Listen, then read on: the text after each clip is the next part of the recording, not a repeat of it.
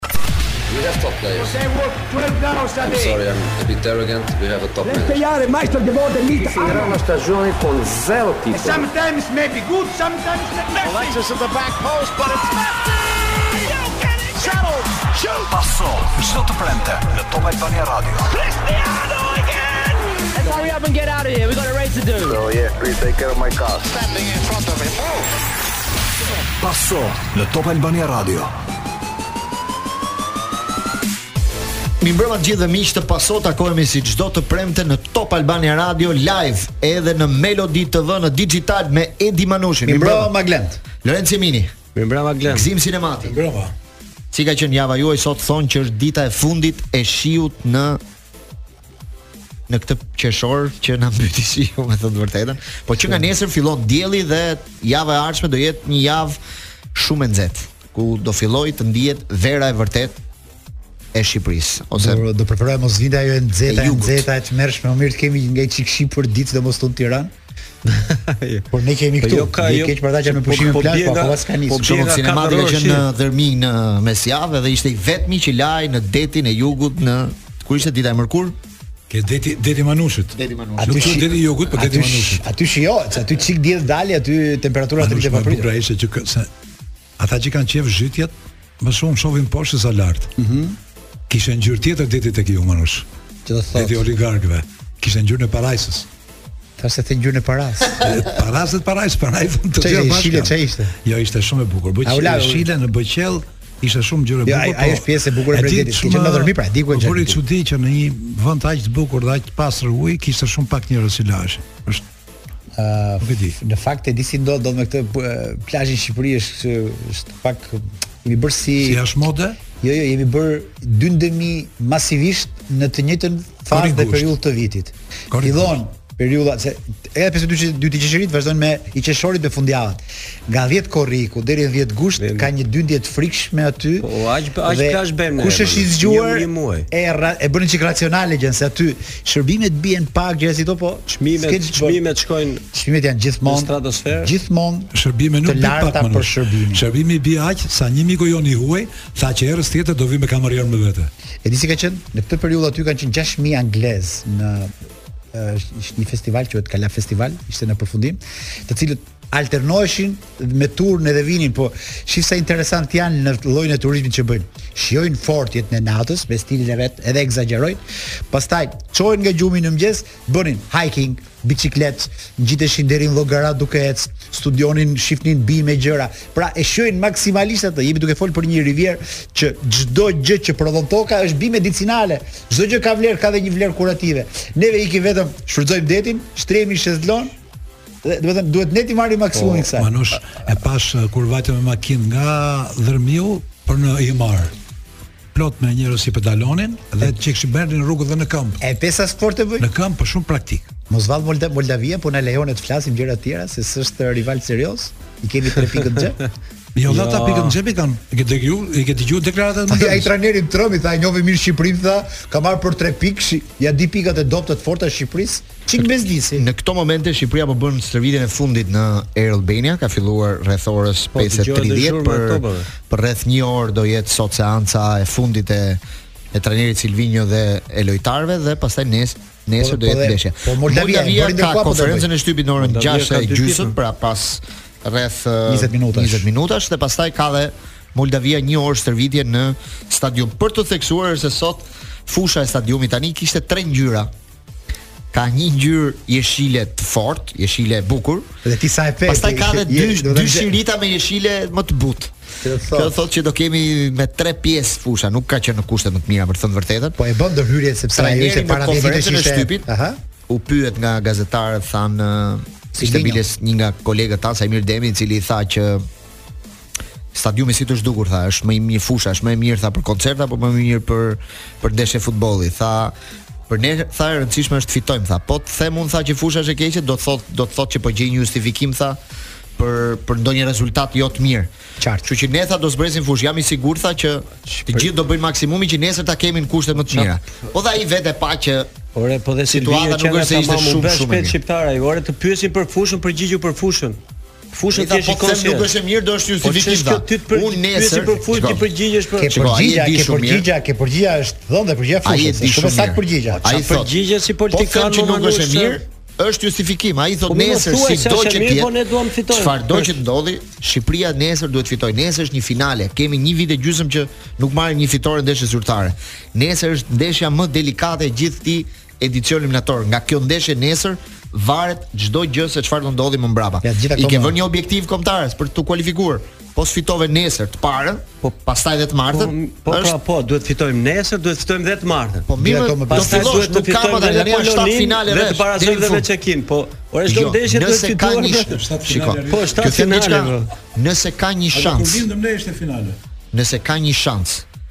që Shqipëria të shkojë në një kompeticion të madh është Europiani, sepse botërori është shumë e vështirë, shkon vetëm skuadra e parë. Po, po, ktu ke më shumë shanse se shkon dy, ke një grup me 5 ekipe.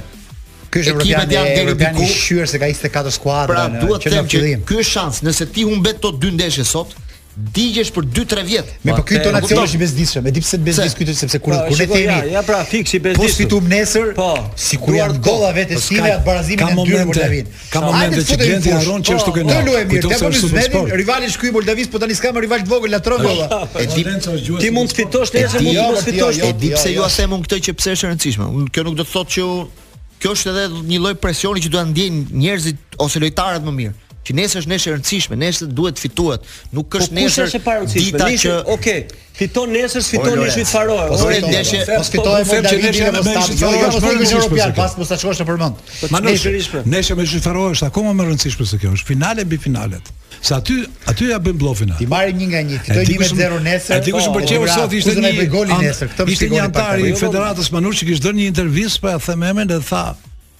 E kam të sigurt që ne nuk mundemi. Mu duk shumë objektiv. Nuk mundemi, tha me Moldavin. Nuk flisë po, për fitore. Po do marrim rezultat pozitiv. Nuk mundemi domethënë që... Edhe me të marrë barazim Moldavis. Vetëm që s'e kisha dëgjuar Moldavin, e kam parë 4-5 herë në vite, mm -hmm. që të vijë me këtë lloj euforie trajneri po, ai do të mashkin sul mos. Këtu u habita ku e mbështetej po. se edhe ne kemi humbur çka kanë mbështetur se ata. Se kanë parë. Ata mbështeten më shumë se ne, kanë një arsye më të madhe. Ne kanë pa ekipin tonë, atë visun në futboll. Me atë që ne kemi vit e gjysmë pa fituar. Lend do na thotë çfarë ka të fortë mund të vjedhë çfarë dhe ku lule të artë. Trajneri i Spanjës para ndeshjes me Italinë tha, "Un luaj çdo ndeshje si të jetë e fundit." Pra do thot, ai ka vetëm dy ndeshje në stol dhe këtë mesazh ai e lçon për ta kuptuar lojtarët që ndeshja që ka e radhës, ajo që luajti dje me Italinë, që për të thënë vërtetën mua m'u duk më tepër një miqësore qershori se sa një ndeshje zyrtare. Po, Mos harrojmë është një Nations League, po prap fjalia e tij do të thotë mesazhi që jep 10 milionë çmim para mesazhi që jep trajneri ndaj lojtarëve. Dhe për këtë arsye unë po ju them. Ka goxha ndeshja që ne luajmë nesër. Ndeshja që ne luajmë nesër për shumë arsye është ndeshje finale e jona. Por është shumë e rëndësishme, kjo është vërtet. Rikthehemi në Pasop po diskutonim për skuadrën kombëtare, e cila nesër do të luajë ndeshjen e dytë eliminatoret e kampionatit Europian Gjermani 2024, ndeshjen e parë jemi mundur nga skuadra polake dhe për momentin jemi në të fundit në grup, po kemi një ndeshje më pak në krahasim me të tjerët që do t'i rikuperojmë në këto dy sfida që do të zhvillojmë nesër me Moldavinë dhe ditën e martë me Ishujt Faroe jashtë fushe. Arbitri do të jetë holandez nesër, është një arbitër i ri. për të cilin Lorenci mund të thotë ndoshta diçka më shumë nëse ka po që arbitri ka drejtuar po, pak në arenën europiane por është me Po, është ka Fifas. disa vite që është arbitër ndërkombëtar, ne e njohim sepse ka arbitruar edhe ndeshjen e Europa League të Partizanit me me ekipin suedez, që ka humbur 3-0 Partizani, është ekip është arbitër cilësor, s'diskutohet se arbitër holandez, Edhe pse pa ndonjë eksperiencë të madhe në në arenën ndërkombëtare, sepse ka disa pak vite. I panjohur, i panjohur për ne. I panjohur po. Për ne. I ri është po, i panjohur për ne. Shkolla e mirë është ajo Hollandës, po domethënë e qartë, duhet me pas parasysh. Po, shikoj, nuk e kanë ne as për të kështu do ta lërë pak. Zakonisht edhe unë kam thënë edhe këtu edhe te Procesi Sportiv që zakonisht ndeshjet që kanë pasur vështirësi ose shkallë vështirësi të lartë në Evropë, në Shqipëri kanë ardhur arbitra shumë cilësor. Kur kemi luajtur me Poloninë ka ardhur francez i elitës, kur kemi luajtur me ë uh, Po është vërtet ka një lloj vlerësimi po, të Po patjetër, kurse këtë radhë nuk më duket ndonjë vlerësim i i domethënë dhe ndesh vetë ndeshjen e kanë klasifikuar si po nivel Shqipëri Moldavi. Po patjetër Shqipëri Moldavi. Po, kështu që s'po, kujtoj që Pa diskutim po, sepse ata i shikojnë sipas rëndësisë edhe të Po kampioni i Moldavisë ishte Glend te ke grupi me Partizanin për Champions League ke ajo vazoja. Sherifi Tiraspoli, po patjetër. Sherifi, Sherifi, po, po, Sherifi po, është. Po Sherifi është diçka, se është klub që ka financa të mëdha vjetore. Ka buxhet, ka buxhet. Në Partizani është shumë shumë. Po Sherifi ka marrë pjesë në grupet e Champions League. Moldavia, prandaj është një skuadër që është Moldavia, Sherif dhe Nacional. Është ndërtuar mbas viteve 90 nga shpërbërja e Bashkimit Sovjetik, nuk është një skuadër e rëndësishme në arenën botërore, është në vendin e 171. Po atë desha të thosha, do të po pra po. Në krahasim me ne që jemi në vendin e 68. Përgjithësisht lojtarët që ka skuadra moldave janë lojtarë që luajnë në kampionatin më shumë vendas. Kurse kanë ndonjë lojtar të famshëm të njohur për shembull në në gjirin e tyre në në Itali për shembull luajnë me skuadrën e Spal. Është një futbollist i ri Dubravanu, një tjetër që luan me Modena që janë skuadrat jo të të Serisë A pra. Ndërkohë ka disa futbollistë që luajnë në Rumani, por është një skuadër që ka grup. Ka grup dhe këtë e tregoi edhe përballë Çekisë, që ishte një skuadër e vështirë për të mundur. Çekët barazuan mbasi fituan me me Poloninë ndeshjen po pra, e parë, barazuan ndeshjen e dytë, kështu që gjithmonë bëhet bëhet e vështirë, por historia jonë me ta është histori pozitive. Në katër ndeshje, katër ndeshje zyrtare ne kemi fituar të katër. Manush, ka një ndryshim edhe në kursin e, e Silvinjos. Se po ta shikoja mirë, domethënë në fillim fare ai tha që do luajmë, do ndryshojmë lojën tha në Poloni, edhe në fakt loja ndryshoi. Tjetër punë që ajo është humbje, por neve na erdhi mirë. Se në përgjithësi 90 minuta kishte një arsye loje. Në ndeshjen e parë, në ndeshje pa kontratën kishte një lloj identiteti. Po. Tashti thotë rëndësi ka të fitojmë. Kjo më duket se është një hap mrapa. Ose ka rënë në grackën e presionit këtyre. Se këta ç'bëjnë? Sa herë vjen Moldavia, ai Gjibraltari dhe këto vende të fundit, të fusin një presion shumë të madh, fillojnë tregojnë atë prallën e vjetër, si shoferët që i del macja e zezë përpara dhe kthenin rrugën, edhe neve kthejmë rrugën kur na vjen ekipet e vogla se s'na ecën. Gjoja s'na ecën se jemi ekip i madh për vete. dhe me të vegjlit nuk na ecën shumë. Unë do thoja që këtu kur është Moldavia, Glenti thotë finale, është super finale. O, është një ndeshje radhës. Është një ndeshje radhës, tjetër punë që ne e ngarkojmë veten me shumë objektiva. Po pra, është po. një ndeshje radhës. Nuk duhet të themi që është finale. Kombëtarja nuk e duron dot sikur të thonë të gjithë në një zë që është finale. Tyre i bien bathët po ti thosh që është finale. Ndeshja me Moldavinë, po e bëre finale, pra. çfarë do jetë ndeshja me Poloninë? Po edhe edhe edhe mos të dalim nga realiteti dhe mos ta rëndojmë. Po, edhe mos të zati largoj. Ore, ata nuk e thonë dot, ata duan tre pikë. S'thotë Silvinho, ne jemi të rrahim Moldavinë. Po s'diskutoj fare. Po jo, le të rrijë kjo histori. Ata duan tre pikë apo Manush? Në futboll janë tre rezultate. Nuk intereson shumë. Mund të ndodhë një ditë më e zezë në botë për ne dhe po marrim barazimin. Po çdo gjë që është jo fitore për Shqipërinë, është aksident. Logjika thotë që ne futemi në fushë për të fituar dhe Potencialin e kemi. Unë dua të di formacionin dhe sulmin si e kemi nesër, sepse në ndeshje të tilla vështirësia jonë është hapja e e konservës. Goli i parë. Si ka leshi u zuni Vështirësia jonë është hapja e konservës po, Vështirësia jonë është që ne Ky është Ne na hapet jo? konserva për vete Ke porta jonë Ne kemi ngrënë gola Gati çdo ndeshje S'është puna se ne s'kemi bërë gola Puna është shiko sa shënon dhe sa pëson Unë do të them dhe një gjë tjetër që Sylvinho është futur në presion dhe mbas fjalëve të vetmin kundërshtar që pati në ndeshjen e parë, pati njeriun e vet, presidentin. I vetmi që tha në kundra rrjedhë, kundër gjithëve, nuk na duan kështu ndeshje tha. Ne s'kemi kohë për të për ndeshje e humbje dinjitoze. Merri fitoji ndeshjet. Mirë, më pëlqeu kjo e presidentit. Po kjo të pëlqeu ty. Po mua nuk më pëlqeu se ky burrë ka marrë 20 trajnerë ka marrë ky, asnjëri s'ka bërë këtë dhuratë.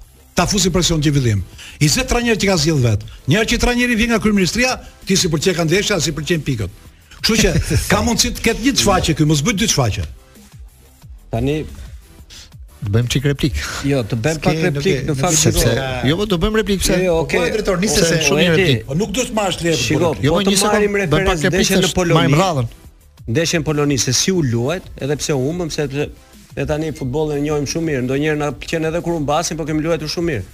Në qoftë se shkojmë me atë logjikë dhe vim mendoj që s'duhet ta diskutojmë fare Moldavinë. Në logjikë.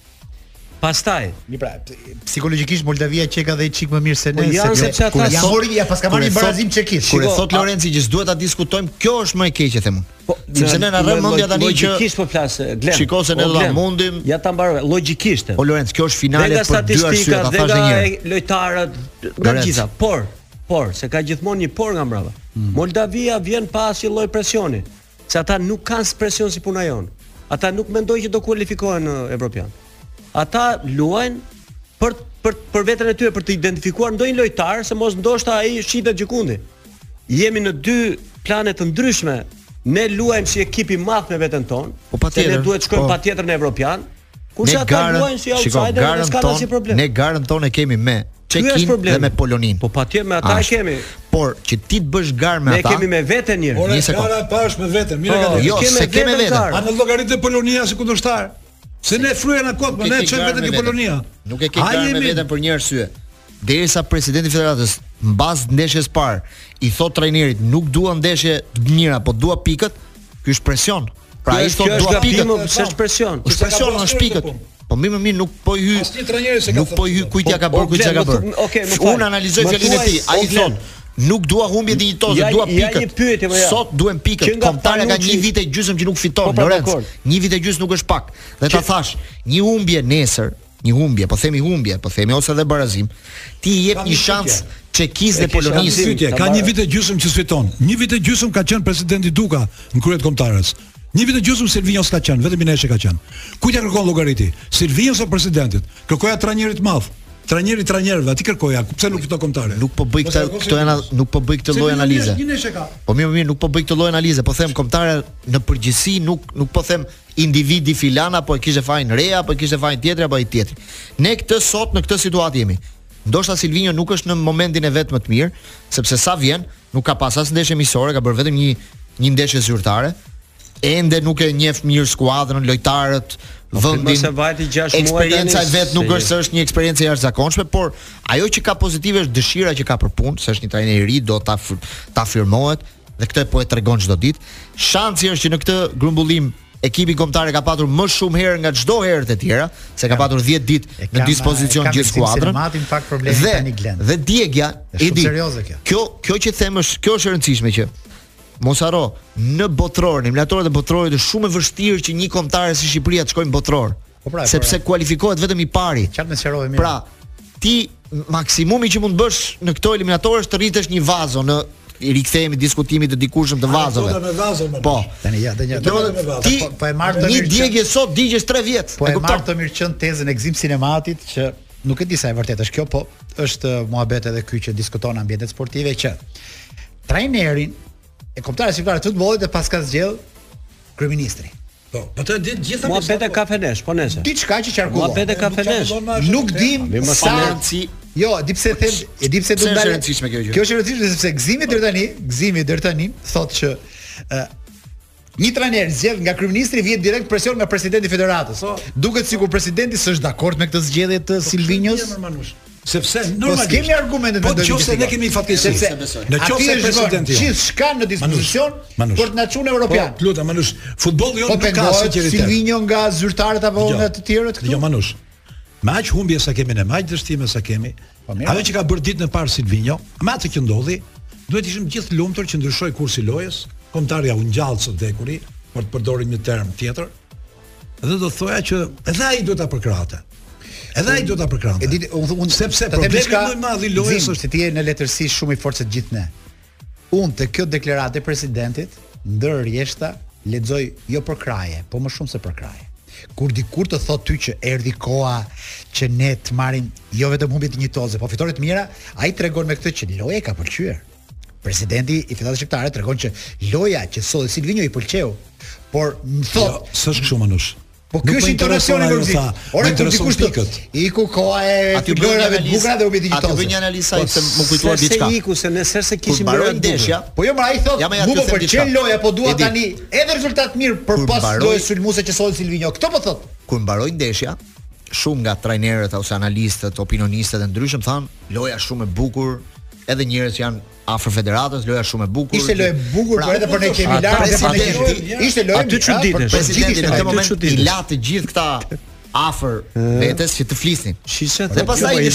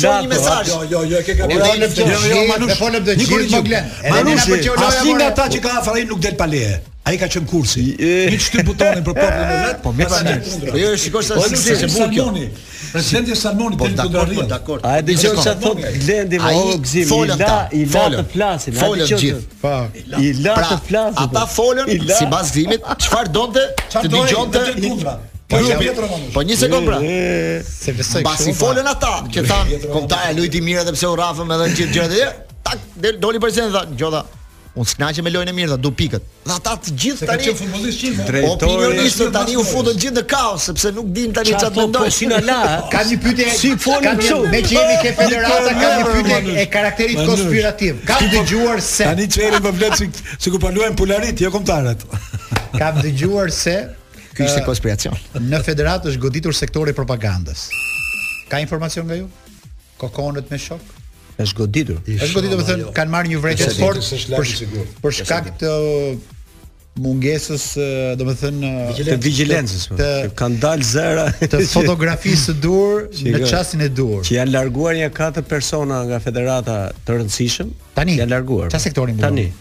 sektorin e njëri me marrëdhëniet me jashtë. Po, shumë i rëndësishëm. Po mirë, që ka të vërtetë këto pse thotë që. Kjo ceremoni tjetër, po te vetëm ky ky joti akoma ky që përmendet tani. Jo, ky është është nuk e nuk e uroj mikun tonë Kokona, ha, po them si jo, jo, zëra ka një teori ti më tepër. Dhe me Boney M The Rivers of Babylon rikthehemi në këtë pjesë të parë të Pasos, fjala për ty Manush. Jo, do doja që të kisha një koment nga Gëzimi këtë By The River of Babylon. A më Manush? Boney M Grefash.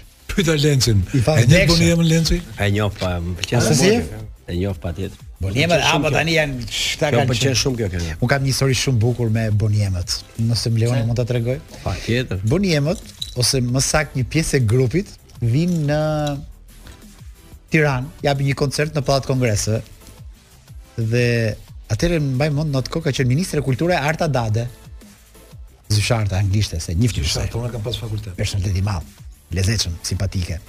Dhe del ky zotria mu në mes të skenës amerikan me ngjyrë. Tamam Boney M siç janë gjithë Dhe tha Dhe rare, good day, po lëvizte ai kështu trupin, po me një lloj sensualiteti që të çuditshëm. edhe që do thotë ka ditë mira në jetë, po ka edhe ditë vështira dhe bëri një gjest shumë të çuditshëm se gjithçka gjithë skena ngeli keq. Po në kulturën e tyre bëni edhe me një ato ti edhe ngjyrë. Ishte shumë e kuptueshme kësaj nuk e bëj dot çesë, sepse e nën kuptoni se do. The day is a good day. Ah, u qetësuan gjithë ta. Edhe filloi pikërisht me By the River of Babylon.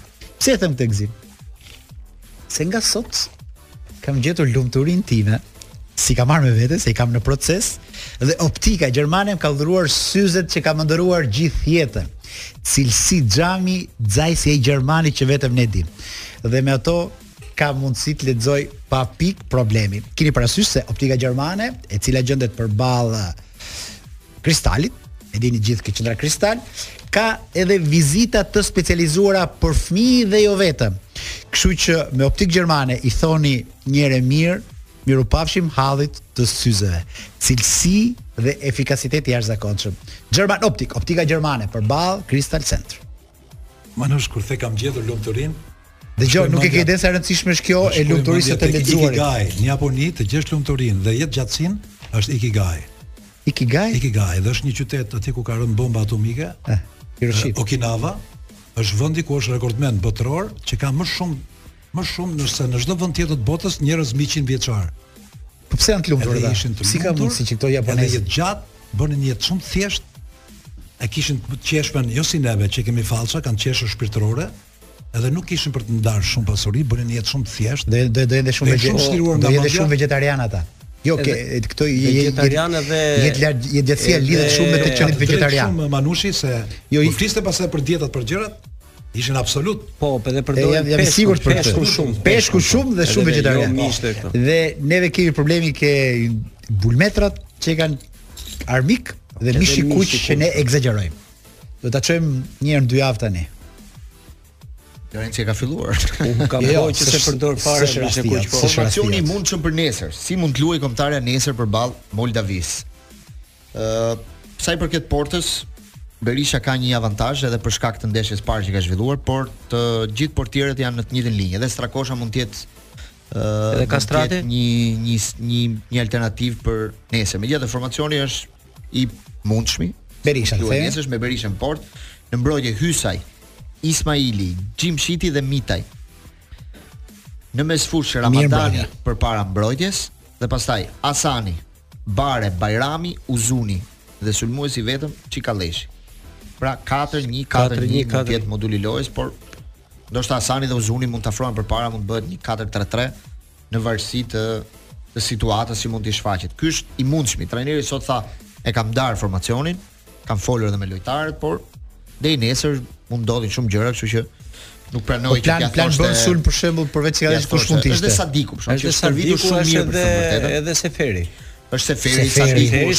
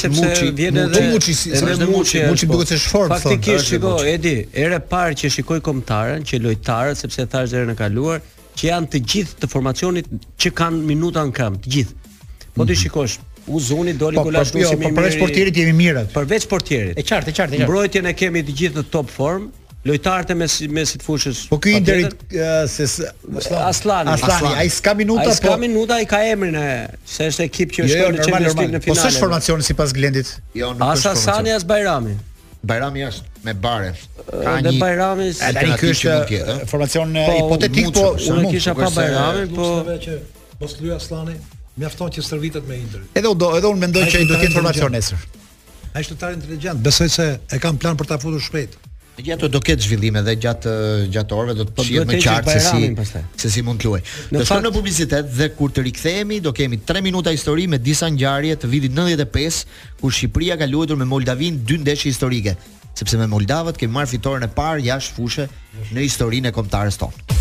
3 minuta histori në paso dhe do ndalemi pikërisht në vitin 95 kur Shqipëria dhe Moldavia janë dy skuadra që bien në të njëjtin grup eliminator, ishin eliminatoret e kampionatit europian të vitit 96 që u zhvillua në Angli dhe fitoi Gjermania me golden golin e famshëm. Shqipëria bën dy ndeshje me skuadrën moldave. e para luhet në Kishinau dhe ë del 3 me 2, pra është fitorja e parë e Shqipërisë në një ndeshje jashtë fushe, nuk kishte fituar asnjëherë Shqipëria një ndeshje jashtë fushe dhe kjo do mbahet mend historike, pra me Neptun Bajkon në stol, që ishte trajneri i kombëtares, por çfarë kishte ajo ndeshje? Për herë të parë në atë ndeshje në 95-ën, kombëtarja përdor një charter për të shkuar në Moldavi, në Kishinau. dhe qëndron vetëm njëzet e katër orë. Pra shkon, bën ndeshjen dhe kthehet. Avioni do ketë qenë diçka rreth 40-50 veta, ndoshta. Gëzimi do na tregojë edhe më shumë sepse ka qenë pjesë e delegacionit. Edhe do ketë qenë gazetar. Ndeshja përfundoi 3 me 2. Bën gol Shqipëria e para me Kushtën goli i parë. Pastaj bëjnë dy gola moldavët, 2 me 1, 2 me 1 për ata. Pastaj bën një gol Bellai, po bën një gol të jashtëzakonshëm, po ta shohësh në YouTube. Goli i Bellait është një gol shumë i bukur. Ka ngritur mbi para, mbi portierin, nëse tifozët e mbajnë mend golin e Totit që ka bërë një gol Interit me një mm. parabolë portierit, ai ka qenë brenda zonës dhe bën një gol. Dhe pas ndeshjes Bellai thotë që kur shkuam në dhomën e zhveshjes Kushta më thotë që a mo, ta zuri Dhe vetëm ai gol nuk ta zë sepse është i menduar. Duhet kërkuar. Po ishte për të treguar që raportin që ata kishin. Sikur t'i thotë Bellai Kushtës për golin në Beograd, po, ta zuri? Jo, po. mos ta zuri keq. Po. Dhe goli i tretë, pastaj është një gol i Rudi Vatës me goditje dënimi.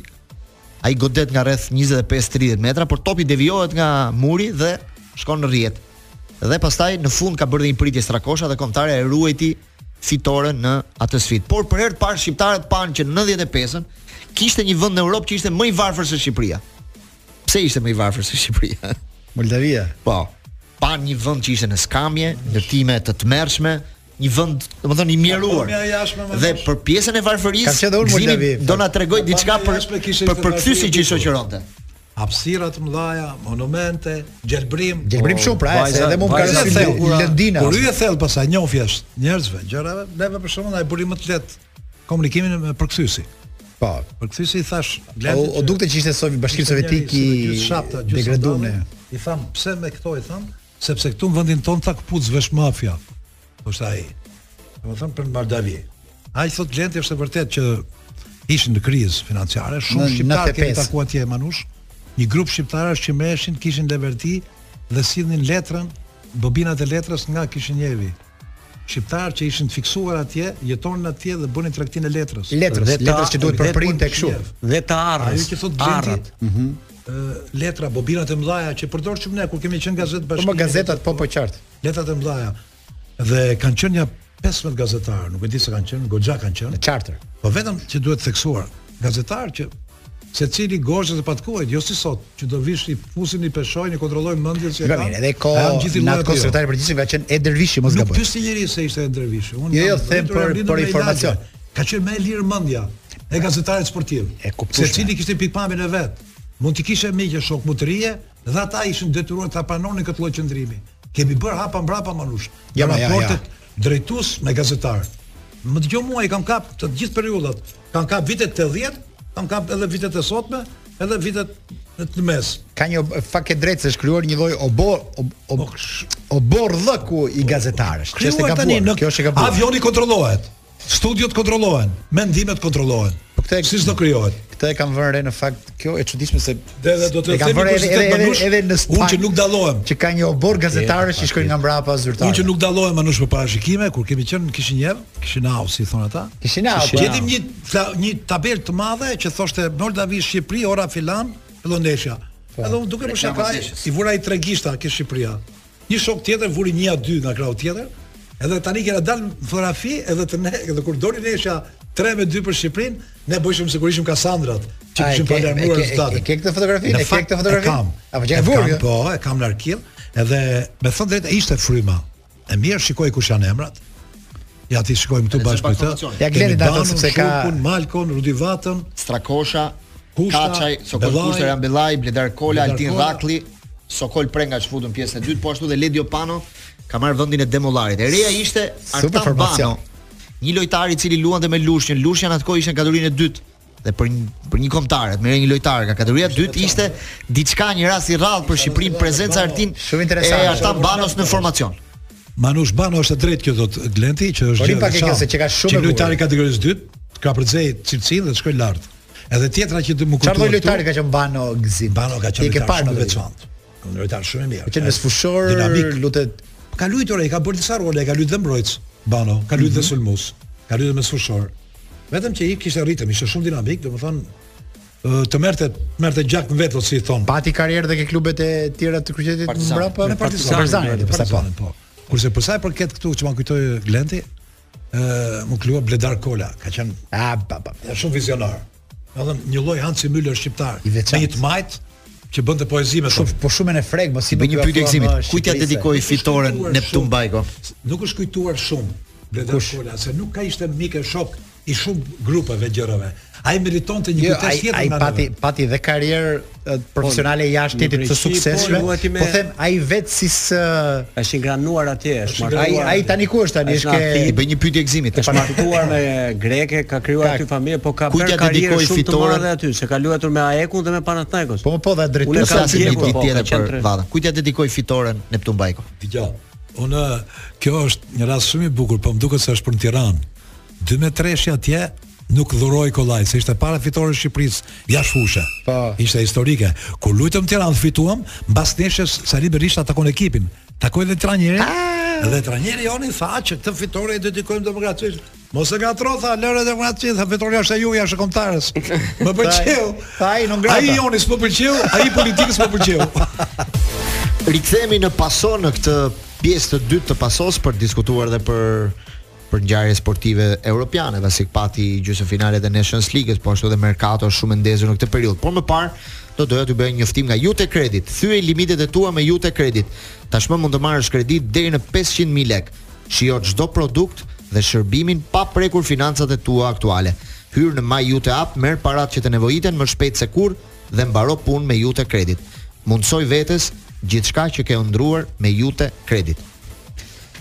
Dhe për ta përfunduar ngjarjen e 3 minutave, pse nuk nuk na doli koha për 3 minuta histori. Për kjo 3 minuta sepse çfarë ndodhi tani në ndeshjen e dytë, se kjo është pjesa më e bukur e ndeshjes në Tiranë të Shqipërisë me Moldavinë. A zhërnoj, a zhërnoj edhe një herë njerëzit që sapo vijnë në në dëgjim të Top Albania po. Radio se çfarë është 3 minuta histori sot. 3 minuta histori, ne rikthejmë disa ngjarje të rëndësishme sportive ndër vite, shqiptare mhm. ose jo. Dhe ngjarje që kanë kapur pra që kanë prekur historinë e, e sportit botëror. Sot po flisnim për dy ndeshjet që Shqipëria zhvilloi me Moldavinë në vitin 95, sepse ndeshja në Moldavi ka qenë fitorja jonë e parë jashtë, historike pra. Kurse brenda në stadiumin Qemal Stafa, ndeshja ka përfunduar 3-0 me dy gola të Kushtës dhe një gol të Salvador Kaçajt. Qartë. Pra ne morëm 6 pikë në atë edicion. Por për ndeshjen që u luajt në Shqipëri, çfarë ka? I gjithë ekipi kërkonte që presidenti i asaj kohe, zoti Sali Berisha, Të ishte i pranishëm në stadium. Po Berisha nuk vinte në stadium në atë nuk kishte lidhje. Po pse nuk vinte? Dhe gjithë ekipi shkon. Ja, dajnë druat ata thoshte. Gjithë ekipi shkon ja, tek shkon, shkon për ta takuar, shkon për ta takuar zotin Berisha. Në fund ai, ai s'po s'po pranonte. Edhe një këshilltar i zotit Berisha thotë, "Jo, nuk vjen ai stadium do se e di që ju rrifeni, ju rrifeni aty." ishte kombëtarja, rrifej çdo ndeshje. E thonë ata, "Jo, premtojmë, ne premtojmë që do fitojmë." Edhe bënë premtimin. Dhe në fakt Berisha në atë ndeshje ka qenë bashkë me presidentin e, fe, e Komitetit Olimpik Ndërkombëtar, zoti Juan Antonio Samaranch, ka qenë për vizitë në Shqipëri. Ishte hera e parë që një uh, autoritet kaq i lartë i sportit vizitonte Shqipërinë.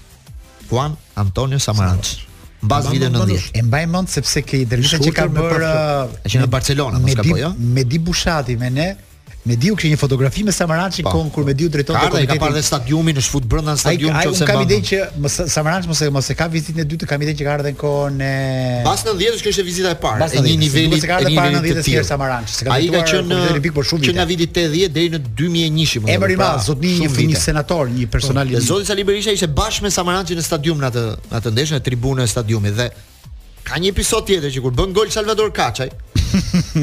Ai bën gol dhe drejtohet nga stoli, shkon nga stoli për të festuar. Dhe aty Neptun Bajko del përpara sepse mendonte që ai do vinte tek ai ta festonte. Në fakt ai thotë, largohu thotë e kam për Berishën golin. Do ta çoni deri në po- fund. Mos po na fsheh drejtori një një tjetër të një tjetër aspekt të rëndësishëm historik që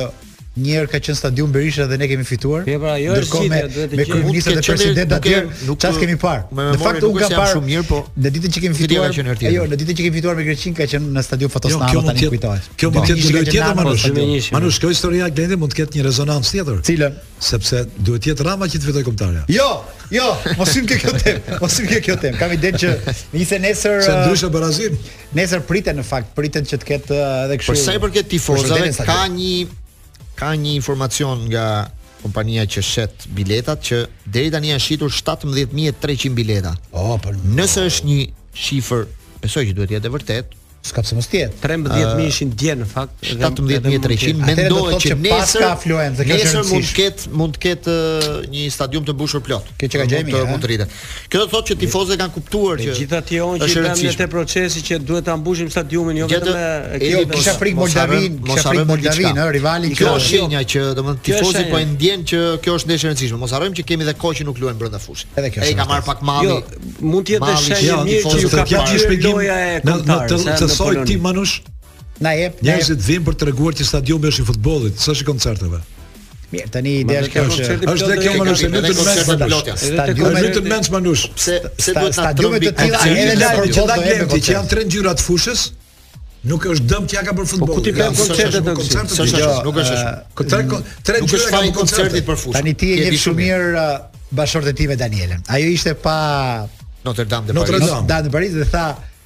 Humanit, duhet të them se neve ne vlerësojmë dhe dëshirën që ka një pjesë e mirë e shoqërisë për koncerte.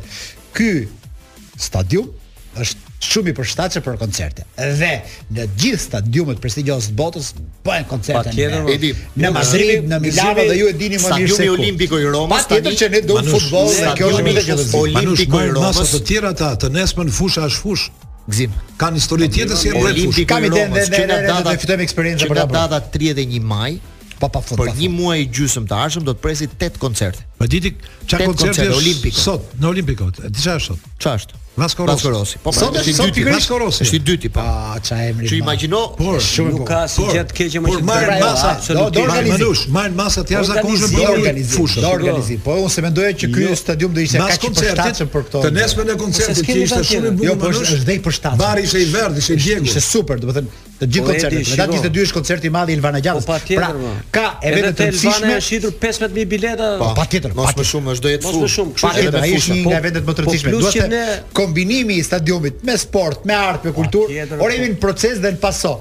Pse po jemi jo, Melodi TV? Jo, se na pëlqen muzika, njësoj si sporti.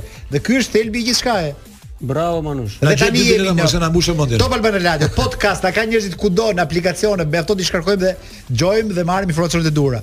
Një gjë, ja një diçka të shtoj edhe. Italia më mërziti dje.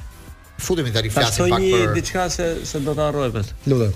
Madje un them që duke ardhur njerëzit dhe jo të futbollit, se jo të gjithë njerëzit shkojnë futboll. Ne jemi një familje, jo vetëm unë shkoj futboll.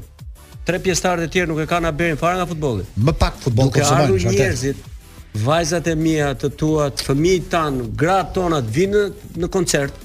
U pëlqen dhe atmosfera, mund të vinë dhe në futboll nesër. Kto lidhen me njëra tjetrën. Me kombëtaren po patjetër. Me kombëtaren, po do të vinë derbi vinë ashtu është vërtet. Ore ne duhet të si ta mbaroj gjë. Ne duhet të sjellim dhe te ndeshjet e kampionatit tonë. E di kur afro. Ai është qëllimi. Se kombëtarja 6 3 herë në vit luan. Tani biznesi ne, ne biznesi ynë është sporti dhe ne ku ta gjejmë që të ketë Po sportin dhe artin edhe gratë duhet të lidhim. Po patjetër, po, ne do të donim që të ishte, kupton? Ne jemi në situatë që kemi pak të parë në stadium për arsye që ne dimë. me spektaklin me show-n. Lidhet kur janë shumë afër njëri tjetrit, jo kur janë kaq larg. Unë për shembull kam qenë disa herë në Hamburg, kemi qenë të abonuar dhe shikonim Hamburgun. Ata këngëtarët më të mirë të Hamburgut jepshin shfaqje.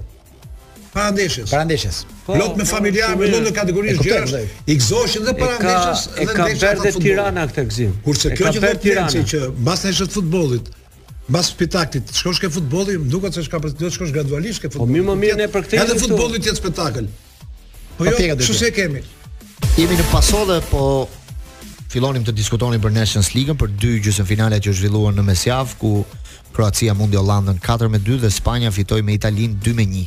Të dielën tani do jetë finalja e madhe mes Spanjës dhe Kroacisë, është finalja e tretë e Nations Ligës, ka fituar herën e parë Portugalia në 2019-ën, ka fituar edhe Franca në 2021-shin dhe tani është rradha për të nxjerrë një fituese të re, një kompeticion i ri, po që me sa duket skuadrat kanë interes dhe u munduan që të të arrinin drejt finales. Ndoshta ndalemi pak te Spanja me Italinë, pastaj edhe disa fjalë edhe për Kroacinë për ndeshjen që që zhvilluan dje. Fillojmë bashkë Manush. Jo, e filloj me thënë unë, nuk më pëlqeu Italia sepse shoh një Itali që po i largohet Italisë as flas po në aspekt futbollistik. Domethënë ajo që ka ndodhur me Italinë në këto 4-5 vite nuk e di kur do kthehet Italia ke Italia tradicionale që njohim ne. Italia taktike, Italia super e sigurt në mbrojtje, Italia që e rrezikshme në kundërsulm, nuk e di, domethënë Këtë krizë që po pëson futbolli italian tani, do e vuajnë në kombëtare, kam përshtypjen, për shumë vite. Vazhdon akoma të mbështetet ke figura të vjetra. E shoh atë portierin sa të pasigurt, atë portierin e, e, e Italisë vazhdimisht. Domethënë, ke Spanja pash më shumë alternativa. Nuk është Spanja ajo magjike, kthehet ke lojtarët e vjetër, po në fakt ka hyrë kjo ke këta trajnerët një kulturë që marrim ata që janë më të mirët. Navas u dukte sikur s'do shkelte më në kombëtare.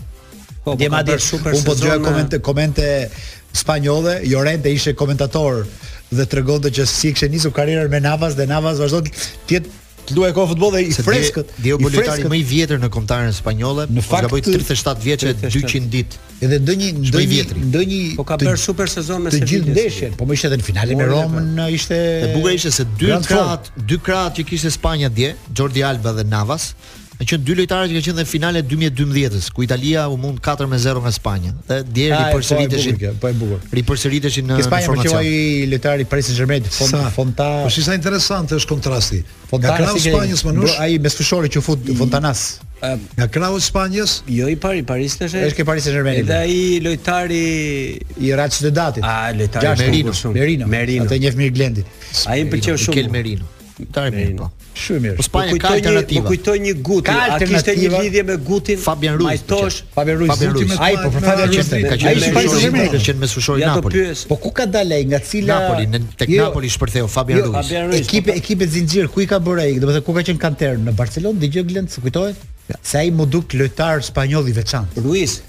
Fabian Ruiz po. Ka super sezon me Napoli. Alternativat që bëri po, me Parisin nuk po luan. Parisin nuk luan dot se tani që kemi marrë se ishin shumë më mirë. Do të bëja një pyetje. Shiko, se çështje kulture është puna e moshës me ekipet kombëtare. Në Italia u morën të gjithë me në sens negativ me Bonucci, me Jorginho, dhe me Acerbi. Edhe me Immobile. Ndërsa këtej, me Immobile që kishte shumë kohë, si kombëtare. Ja, kjo dy vjet që nuk shënon. Kjo është kjo është vërejtje vërtet e, e bukur kjo që po thua. Kjo tani këtej nga Franca, nga Spanja. Spanja u mor si si gjë mirë. Kultura e ndryshimit të brezave që kanë ardhur gjithmonë të rinjtë, që luajnë u fut Navas në moshë të madhe. Edhe u përqendrua vëmendja tek ai dhe thanë urdhëro se si luan futboll dhe rifitoi kombëtaren në këtë moshë. Kurse këtu pikat u vunë mbi plagë dhe u morën me kritika Mancini se si vazhdon të besojë mbrojtjen e Italisë ke Bonucci, që s'luan me Juven, që nuk luan me Juven, që nuk ka formë shumë të mirë dhe më merrte me radhë trajnerët, thoshte është një sëmundje e vjetër italiane, tha të gjithë trajnerët tha na mbajnë peng, tha secili brezin e vet, trashëgojnë vjetërsira në futboll. Edhe pastaj njëri doli njëri dhe tha unë kam fëmijën 13 vjeç tha, Dhe më tha o ba, a ka ardh koha tha për të parë botëror tha jam pjekur unë. Po më të keqen babi po s'është pjek akoma Italia për të qenë botëror. Italia s'është pjekur akoma për të qenë botëror. Është vërtet. Shiko, pa shëndekun. Po them dhe unë një një disa minuta nuk është se m'u duk keq Italia për të thënë të vërtetën. Pjesën e parë në në sidomos mbas golit reagoi reagoi mirë. Dhe mos harro që iu anulluan një gol për centimetra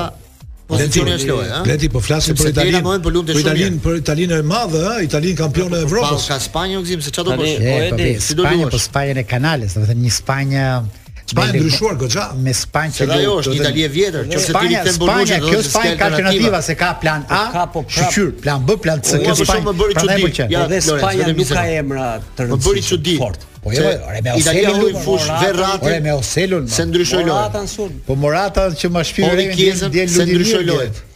Kë? Kurse Italia hodhi Verratti në fushë s'e ndryshoi lojën. Hodhi Kiezën nuk i dha atë që pritet për t'i dhënë. Bëri dhe disa zëvendësime të tjera prap Kristante nuk është. Kieza prisja unë. Ndërkohë spanjollët çdo lojtar që u fut dha një gjë më shumë. Si të diçka. Domethënë Asensio ndryshoi komplet lojën e sulmit, ke krahu i vet. Ë në qendër Fabian Ruiz i dha Manushi apo sulmuesi që u fut Joselu që është një nga lojtarët që po kërkohet tani, është 33 vjeç. 33 vjeç. Edhe ai është një rikthim i Edhe ai edhe sulmuesi i Barcelonës bëri një lëvizje të lezetshme. Ansu Fati. Ansu Fati. Shiko, shiko, shiko, shiko, goli prap nga Tani që Italia është në krizë, as që këtë e kanë thënë edhe kokat më të mëdha, me Capello, Sacchi të gjithë. Sepse në Itali nuk ka brez poshtë, nuk ka. Po t'i shikosh gjitha ekipet elitare në Itali janë të përbërë nga lojtarë të huaj. Shiko, Milanin, Interin, Juven, nuk luan asnjë italian. Mund të gjesh një italian tek tuk. Barella luan te Interi, të gjesh ndonjë janë nga Milani vështirë dhe nuk ka.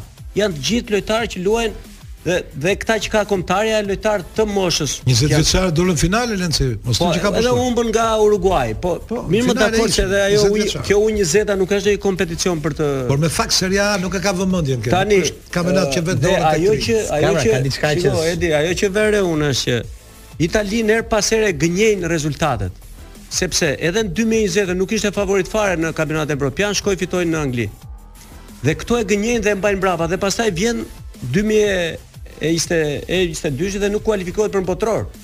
Domethënë ka ca ulje ngritje të frikshme Italia që për një ekip si Italia, Mirë, për ne dhe duhet të ketë një stabilitet. Për mua dhe gëzimin që shohim në stol Mancinin, Orialin. Do thënë ti shef aty një copëz Italie që drejton në atë skuadër, plus që janë të veshur me kostume ata. Po shumë bukur, e menaxhon Armani. E menaxhojnë të gjithën.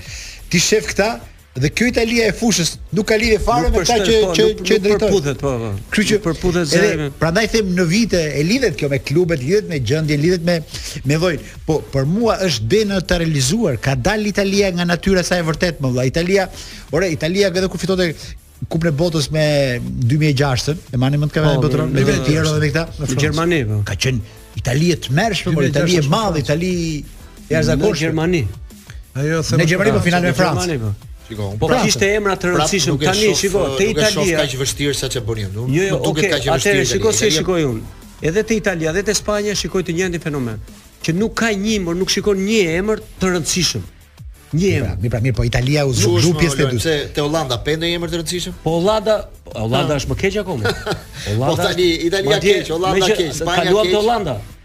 Se pse më këto janë ekipet.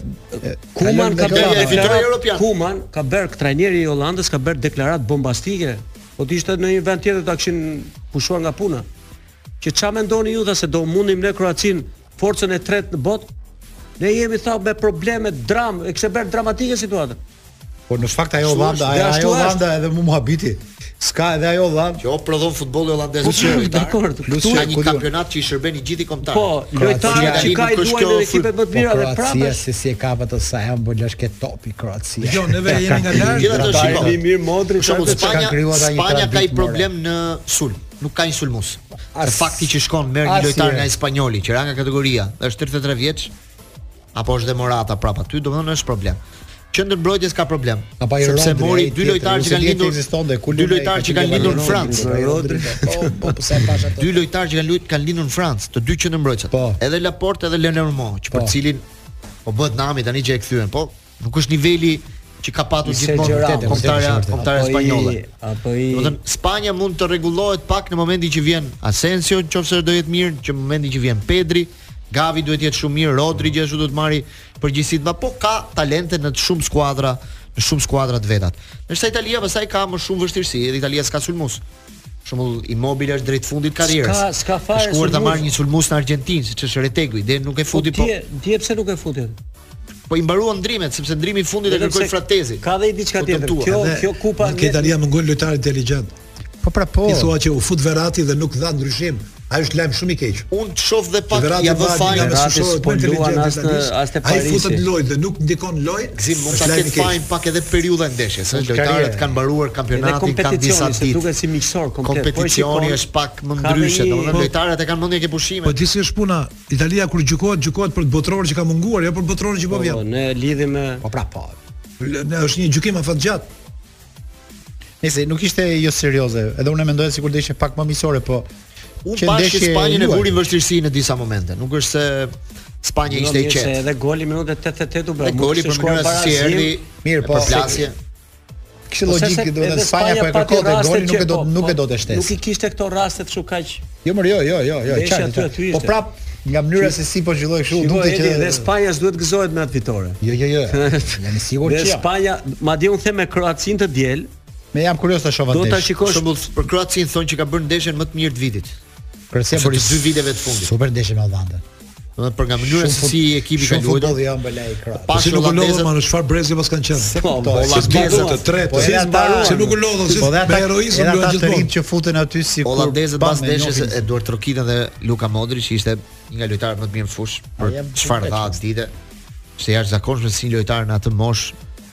vazhdon të jetë kaq luan 120 minuta. Kompetitiv, kaq lojtar i rëndësishëm, kaq thelbësor, gjithë mendonin që pas botërorit ai do largohej.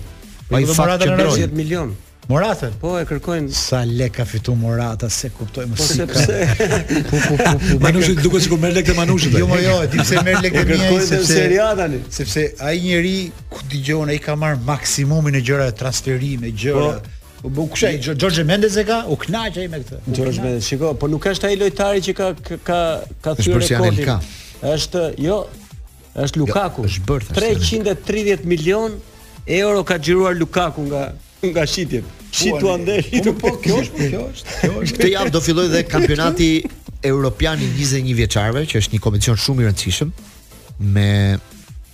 ndeshjet që do fillojnë ditën e mërkurë dhe do zgjasin deri në datën 7 korrik, kështu që ke një event Gzim për ta ndjekur dhe për ta shijuar sepse është një kampionat shumë i rëndësishëm. Grupi A do jetë me Gjeorgjinë, Portugalinë, Belgjikën dhe Hollandën.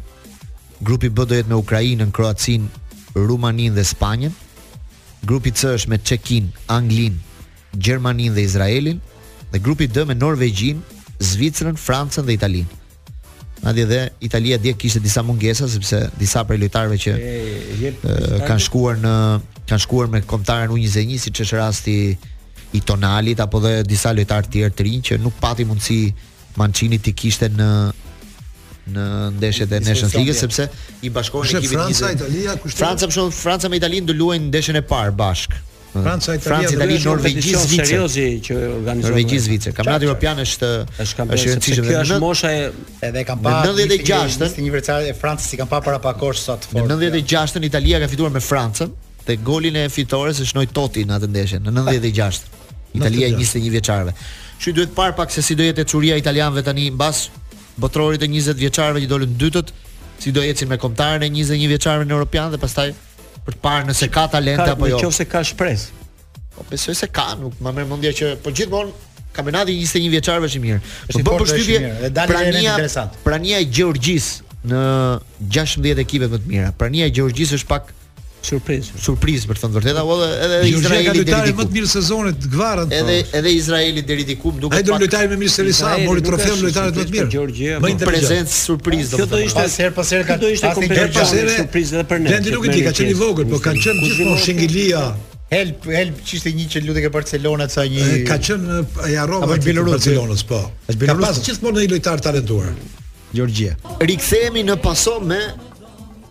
Ardian Trebickën dhe këngën e preferuar të Manushit, Trëndafilat.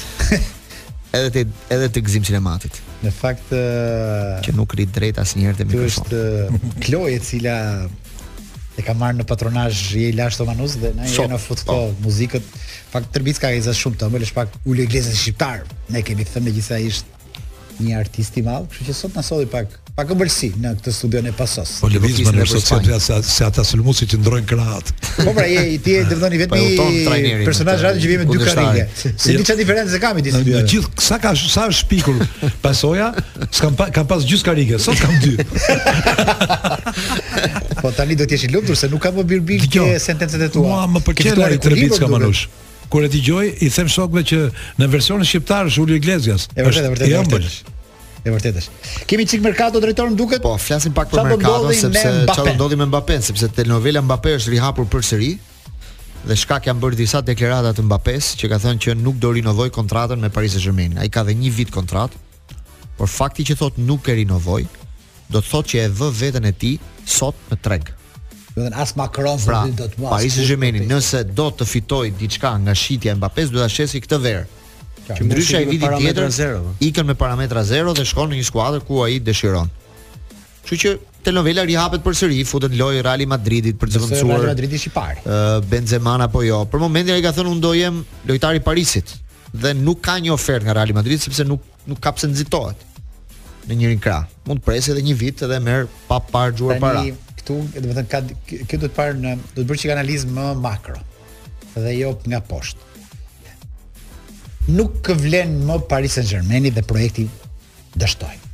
Domethënë ti nuk fut dot, nuk injekton dot futboll të lartë me telekomandë.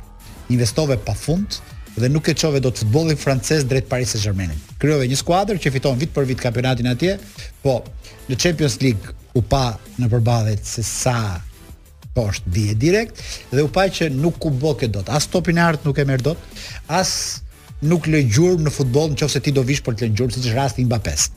Se Ai, ai, ai mund ta marrë edhe në Arabi një shumë lekësh se me futbollin që po ndodh tani. Po kam idenë që ai ka ambicien për të lënë emër. Ai do ta marrë edhe një top të artë. Është 24 vjeç. Topin e artë e merr. O ke Real Madridi, o ke Bayern Munich, ose ke një skuadër angleze. O ke Manchester City. Nuk e di çfarë projekt. Aty kona arab. Seç më bëri përshtypje mua një lajm që që dëgjova këto ditë dhe du me diskutu me ju. Inter i Milanit kishte dalë në treg me 260 ose 270 milionë euro dhe s'ofroi njëri ta blente. Manchester United Interi me atë çmim? Po mër po. 270 280 milion euro. Do sa më shumë, po. Se e kam të dëgjuar dhe të dokumentuar këtë gjë. Manchester ishte 6.5 miliard dhe ata nuk ja ulin çmimin. Ka logjikë ky hendek. Ky hendek çmimesh më bu. 260 280 milionë e shiste ai kinezi, po të them ai shet shet një pjesë të aksioneve të përqind, jo të gjithë klubin. I Ore, gjithë klubi Interi është... në shitje kishte dal 280 milionë euro, po të them unë ty. Hape dhe shife ke ke Po e kam lexuar pra po një pjesë të aksioneve. Pse është diferencë para? Gazzetta dello Sport e ke 280 milionë ai ti direkt Interi tani. Diferenca është sepse fitimet që ka patur Interi këtë vit, që shkoi deri në finalen e Champions Ligës, janë më të vogla se skuadra e fundit në Premier League. Mi pra po. Pra shi skuadra fiton më më pak se skuadra e fundit në Premier League. A duket reale ky hendek po ndodh në futbollin sot? Hendek është. Tani sa po- çfarë po ndodh në Manchester? Edhe nuk ofroi njëri. I gjithë projekti i Parisit po spostohet në Manchester dhe po shkon tek United. A pra. Gjithë grupi i Katarit po shkojnë atje dhe duket që ka një shenjë shumë afër marrëveshje. Po Mbappe mund të ikë ke United. Ë që ata do të spostohen në Manchester për të marrë Manchester United për po ta blerë Manchester United. Parisi? Pse u larguan? Projekti që dështoi, largimi i Messit, largimi i Neymarit, nuk arritën dot në gjithë këto vite që ta rrisin skuadrën ta bëjnë të rëndësishme në Europë. Ata ishin në fije të perit të dështonin dhe me Manchester City. Kështu që i gjithë grupi nëse nuk do fitonin Champions League, se i njëjti grup janë. I gjithë grupi i Katarit. Por aty i ndihmon po kampionati që është shumë i fortë United. Mm. Që është skuadra që intereson dhe flitet që Manchester United e bëri emra të të rëndësishëm bëj një ofertë 340 milionë euro për Mbappen. Janë ca shifra të frikshme. Këtë vit ata mund të mund të marrin Teo Hernandez nga Milani. Ka vënë Milani një shifër prej 60 milionë eurosh për ta blerë mbrojtësin. Është një nëse ai largohet, pastaj do ishte një pjesë e mirë e Milanit që largohet nga nga Serie A dhe nga Milani, gjithsesi ai lojtar shkon. Ai po. ai ai është boshti i Milanit. 60 milionë euro nuk më duket një shifër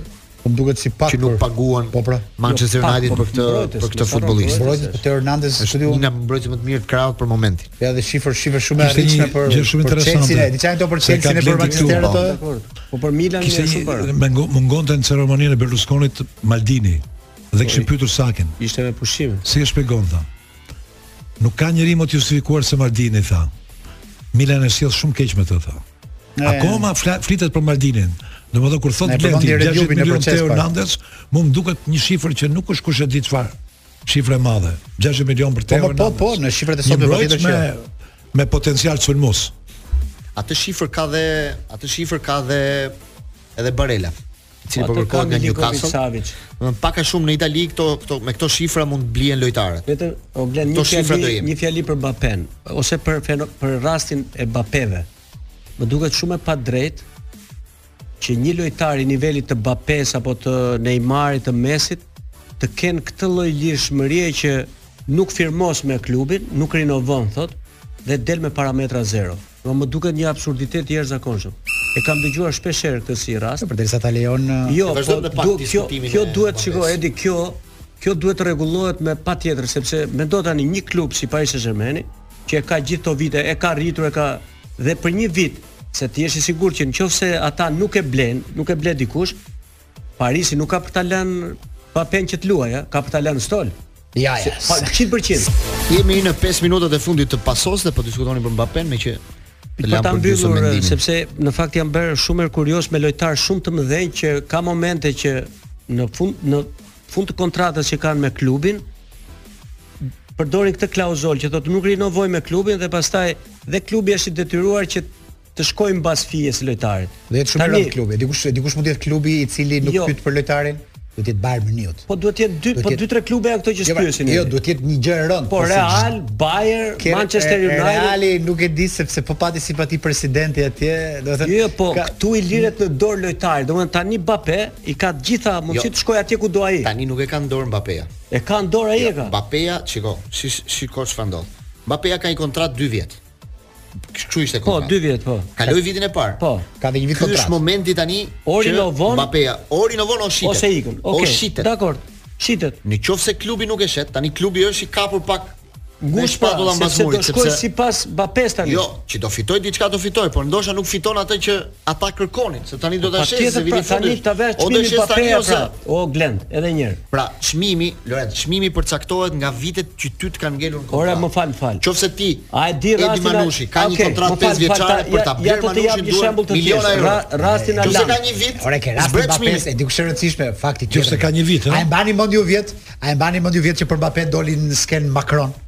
Po pra, pra ça ndodh me këta? Pse papritur u larguan të gjithë nga këta? Pse tani mbaroi projekti? Pse pse tani Mbappe ka dalë, është vetofruar në treg? Pse nuk është më simboli Mbappe, se Mbappe u pa. Mbappe në Francë është është është shumë më shumë se Mbappe, u bë institucion atje, u bë njeriu i ri. Është kapiteni i Francës tani, Franca është në imazh i lartë. Po. Ky njeriu ti u jap një rrugë analoge të Aland. Shikoj ti u jap një. E kuptuan gjithë që ai mund të fitojë vetëm me Francën, jo me Parisin. Vetëm atje mund të jetë fitues. Qartë pra. Ju jap një rast me Francën mund të jetë fitues. Me Alandin. E dini që Aland është blerë për 60 milionë euro te Manchester City. Çmim qesharak për Alandin. Dhe e dini pse se në klauzolë e ka pasur që çmimin e vë Aland vetë, Aland. Po pra po, e ka e kam qartë, e kam qartë. A kupton ku jemi? Tani lojtari është bërë më i fortë se klubi.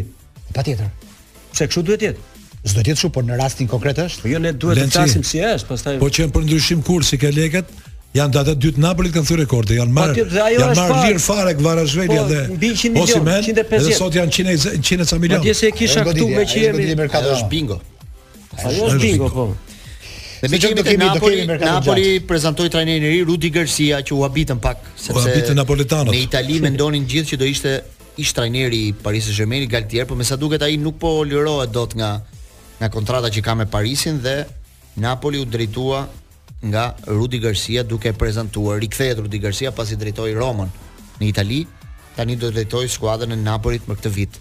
Është një gjetje ndoshta e e presidentit De Laurentiis, sepse edhe kur mori Spalletin ishte